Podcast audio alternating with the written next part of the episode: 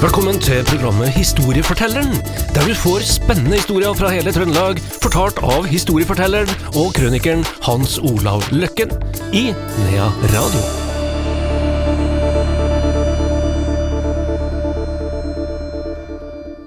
Historiefortelleren er tilbake her i Nea Radio. Vel møtt til deg, Hans Olav Løkken. Jo, takk. Vi skal ja, vi skal ta landeveien, fatt jeg nær sagt. Vi skal litt eh, nordover fra der vi er nå, og mot Levanger. I dobbel forstand, I dobbel forstand. ut ifra det du sa, Ja. og det vil folk skjønne om en liten stund. Ja, nå skal vi eh, til en eh, kompis av meg her. Vi jobba veldig mye de siste årene i lag, og han het eh, Per Jevne, var journalist i Adresseavisa en, en mannsalder. Han var i Forsvaret før der, og jobba i E-tjenesten, som da var litt mer sånn hysj-hysj den gangen, og han har vært gnist og farta litt rundt, og han eh, var med blant de første som var i Libanon, da. Så eh, Og han er researcher for eh, Tore på sporet, og eh, han er spesialist på østover. Jeg driver og leter etter folk i Amerika, og han driver med det samme i Russland. Og jeg vil jo påstå kanskje da at det er litt tøffere å lete etter folk i Russland, da. Men han snakker jo da flytende russisk, da så, og har de rette kontaktene.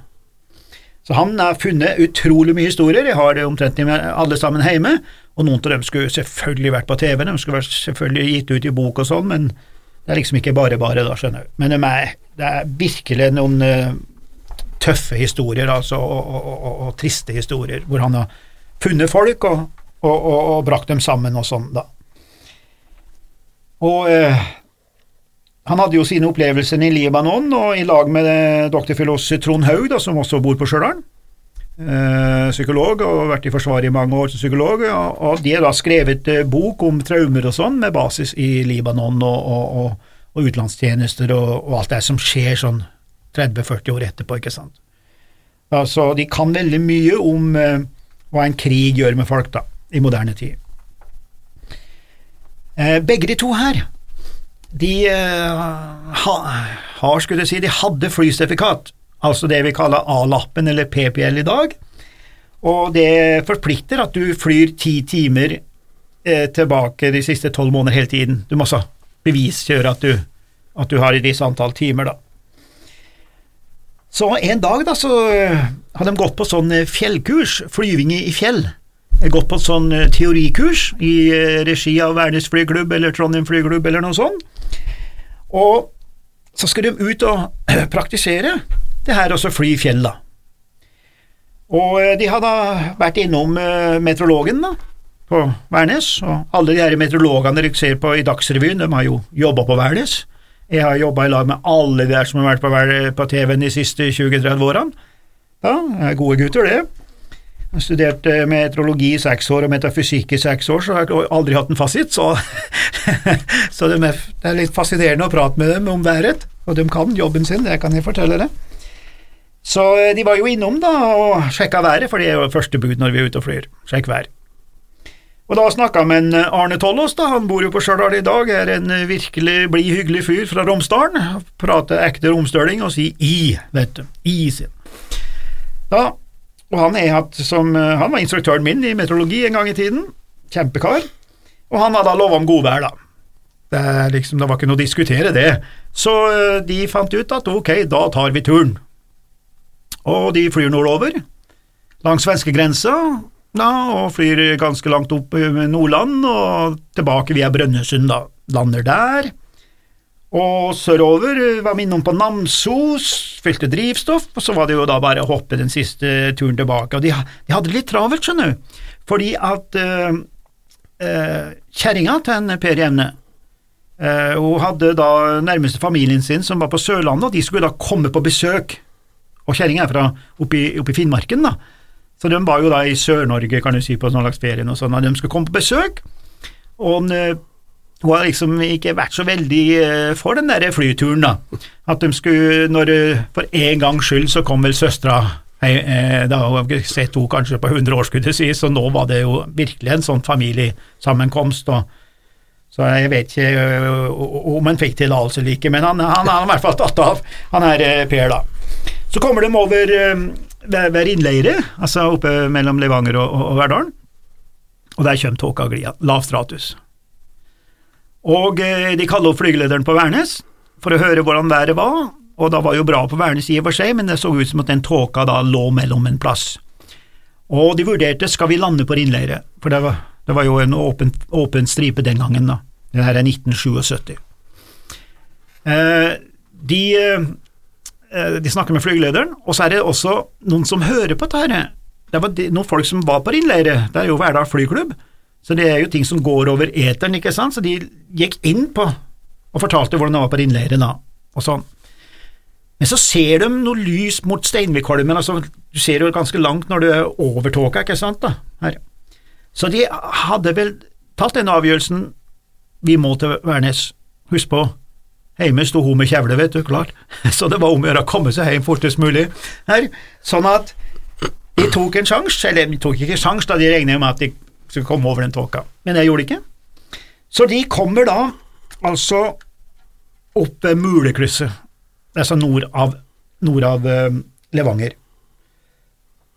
Det var jo da en diskusjon, selvfølgelig, når jeg drev med denne saken her, for noen år siden, om de landa på E6 eller ikke. Du må huske på det at E6 gikk eh, fra Kirkenes til Roma helt fram til 1985. Alle veier føres til Roma. Til 1985. Det der er altså 1977. Da ble det slutt på dette E6-greia eh, i Europa, da tyskerne gjorde om autobahn, eller systemet. Da begynte E6 i Norge ved Svinesund og gikk nordover. Altså ikke andre veien, som en går en dag i dag. Men da, i 1965, da dette systemet kom i Norge, 65, da gikk E6 fra Svinesund til Stjørdalskjærsen. Så, når stjørdalingene kjørte ut fra i Halsekrysset, kjørte ut på E6 eller de kjørte på E6 hvis de svingte til venstre til Trondheim, og svingte de til høyre, kjørte de på rv. 50. I fire år var det slik. I 69 ble E6 forlenga til Nordkjosbotn, der du kjører opp til, til Tromsø. For E6 går jo ikke til Tromsø, du må jo av. Men i 77 så gikk E6-en da Da var ikke den der nyveien kommet, så da gikk jo den gjennom eh, Levanger sentrum, og så på den reststrekninga opp mot Mulekrysset. Så der kommer de her flyverne, da, i gåseøynene, og ser at tåka blir bare verre og verre, og de skjønte at de måtte bare prøve å sette seg så fort som mulig. Trond Haug han flyr, så de, han går inn, men han ser et par biler som kommer mot, så han måtte trekke opp igjen, gå rundt og gjøre et nytt forsøk. Da hadde de her folka som har lytta inn på radioen på Rinnleire, aldri uh, varsla en annen fra flyklubben som skulle dra bort til den rettstrekninga ved Mulekrysset og stanse trafikken da. Det var jo ikke så veldig mye trafikk på den tida. Men, land, men den, han, han, eh, han, eh, Trond han går inn for andre gang. Da ser han at det kommer en bil mot seg, men da hadde han liksom, nå, nå måtte han bare ned, og den bilen han forsvant jo bare ut på jordet, han ble jo livredd. Siste de så av han, var at han sprang ut av bilen, sies det da, for å overdrive litt. Men han klarte jo å lande på E6, da. Så trilla han på en måte flyet ut på en sånn gårdsvei opp til den gården oppafor Hinter.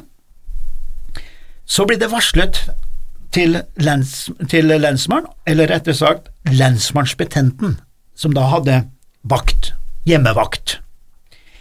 Han mottar da en telefon om at et fly, og det var sikkert veldig stort òg, hadde da landa, eller kanskje styrta, da, vet jo ikke helt, for han ble veldig nervøs, han derre lensmannsbetjenten. Så han hiver seg opp, tar telefon, ser for seg det verste scenarioet der eh, nord av eh, Levanger, går da i en slags arbeidsbukse og ei lusekofte, og skal springe ut, men så slår da noen tanker inn i hjernen. Ja, men der henger uniformslua mi, jeg må i hvert fall ha på meg den for å skape en viss autoritet. så, så, han tok på seg lua, og ble liksom da den virkelig som skulle ordne opp. Og så satt han og tenkte mens han kjørte gjennom Levanger, på hva, eh, hva han skulle se. Han forventa da å se et forferdelig havari, ikke sant. Og så kommer han, og, og der står jo det det bitte lille små privatflyet på, på den gårdsveien. Det var alt han så. Og så Der står han Per Jevne og han Trond Haug utenfor, og liksom venter, da. Så går han her eh, politibetjenten da, bort til Per Jevne, og så sier han er det dere som har landet, eller er det dere som har havarert, eller noe sånt han sier. Da kunne ikke en Per dy seg, vel sånn, ja, ser du andre fly her, han Per sagt. Liksom, som om det skulle vært vanlig at man lander på, på E6, da. Men han de, de, får da en fyr fra Levanger til å kjøre seg tilbake. Først ringer de til tårnet på Værnes og varsler om at det har skjedd det og det og det, og bla, bla, bla, bla. Så er det en som, eh, som eh, tar vare på ham, kjører dem til eh, Værnes, slik at han måtte jo da opp i tårnet og avgi en liten rapport og sånn, det er jo faste prosedyrer for alt det her.